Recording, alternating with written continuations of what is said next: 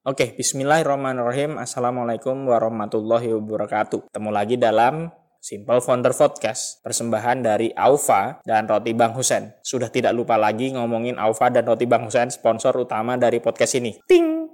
Hari ini masih dalam rangka tantangan 30 hari bersuara dari thepodcaster.id. Adapun temanya hari ini adalah perjumpaan.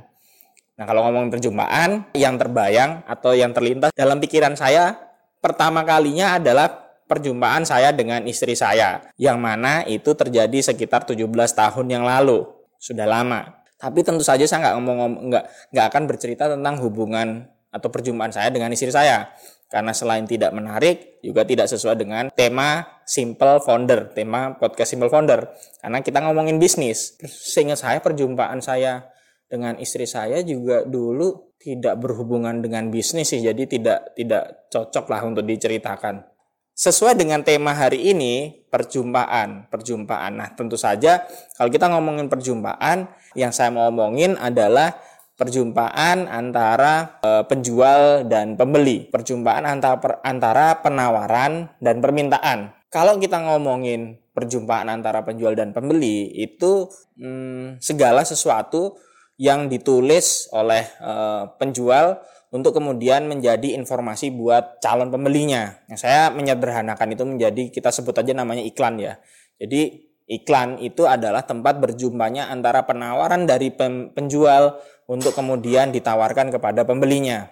Kalau kita ngomongin iklan atau ngomongin penawaran dari penjual kepada pembeli, itu pertanyaan bagusnya adalah berapa kali seharusnya calon pembeli itu melihat iklan atau penawaran dari penjual tadi untuk kemudian memutuskan membeli. Kalau dari teori saya lupa di buku apa saya baca tapi sekitar 1830-an itu tuh ada yang menulis bahwa calon pembeli atau leads itu butuh sekitar tujuh kali melihat penawaran kita atau melihat iklan dari penjual untuk kemudian memutuskan membeli. Dia butuh tujuh kali. Itu penelitian tahun 1830 kalau nggak salah ingat. Sayangnya itu too good to be true kalau di zaman sekarang. Karena bahkan sekitar tahun 1885 teori itu diperbaiki.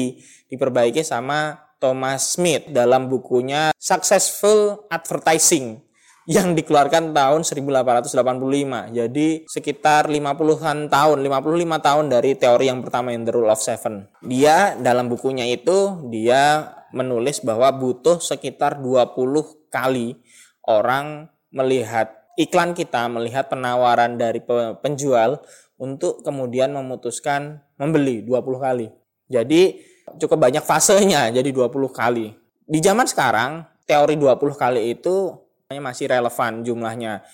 Tapi saya ya sangat yakin e, jumlahnya itu bukan lagi 20, bisa jadi lebih tinggi karena pengaruh dari iklan yang semakin gencar orang semakin banyak melihat iklan semakin banyak melihat penawaran dan akhirnya dia membutuhkan lebih banyak waktu lagi lebih banyak e, titik ketemu lagi untuk kemudian memutuskan untuk membeli. Tapi berita bagusnya adalah kalau dulu zaman dulu 20 kali itu channel untuk ketemu atau saluran untuk ketemu antara penawaran dari penjual untuk kemudian sampai kepada pembeli itu tidak banyak.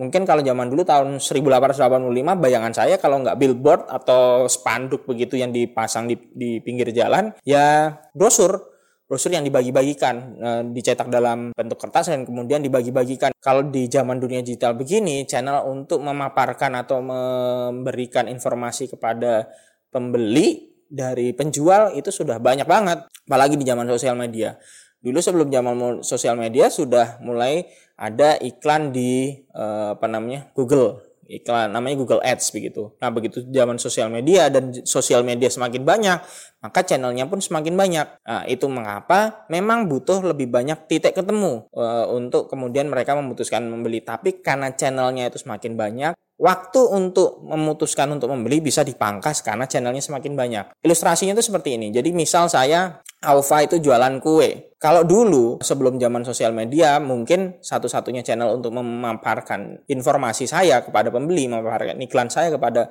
calon pembeli saya itu mungkin cuma lewat brosur aja atau lewat spanduk atau lewat baliho. Jadi channelnya itu adalah channel yang offline begitu. Nah karena sekarang udah zaman online maka channelnya pun semakin banyak.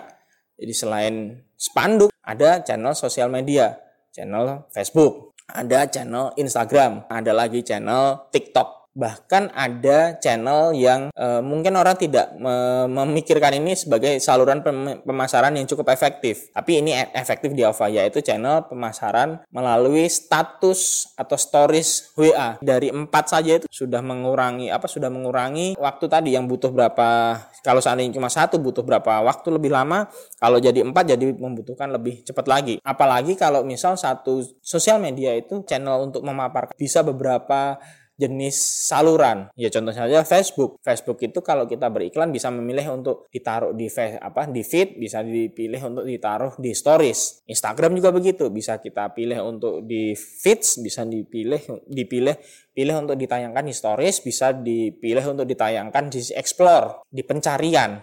Begitu juga dengan yang lain. Kecuali WhatsApp. WhatsApp itu belum ada iklannya.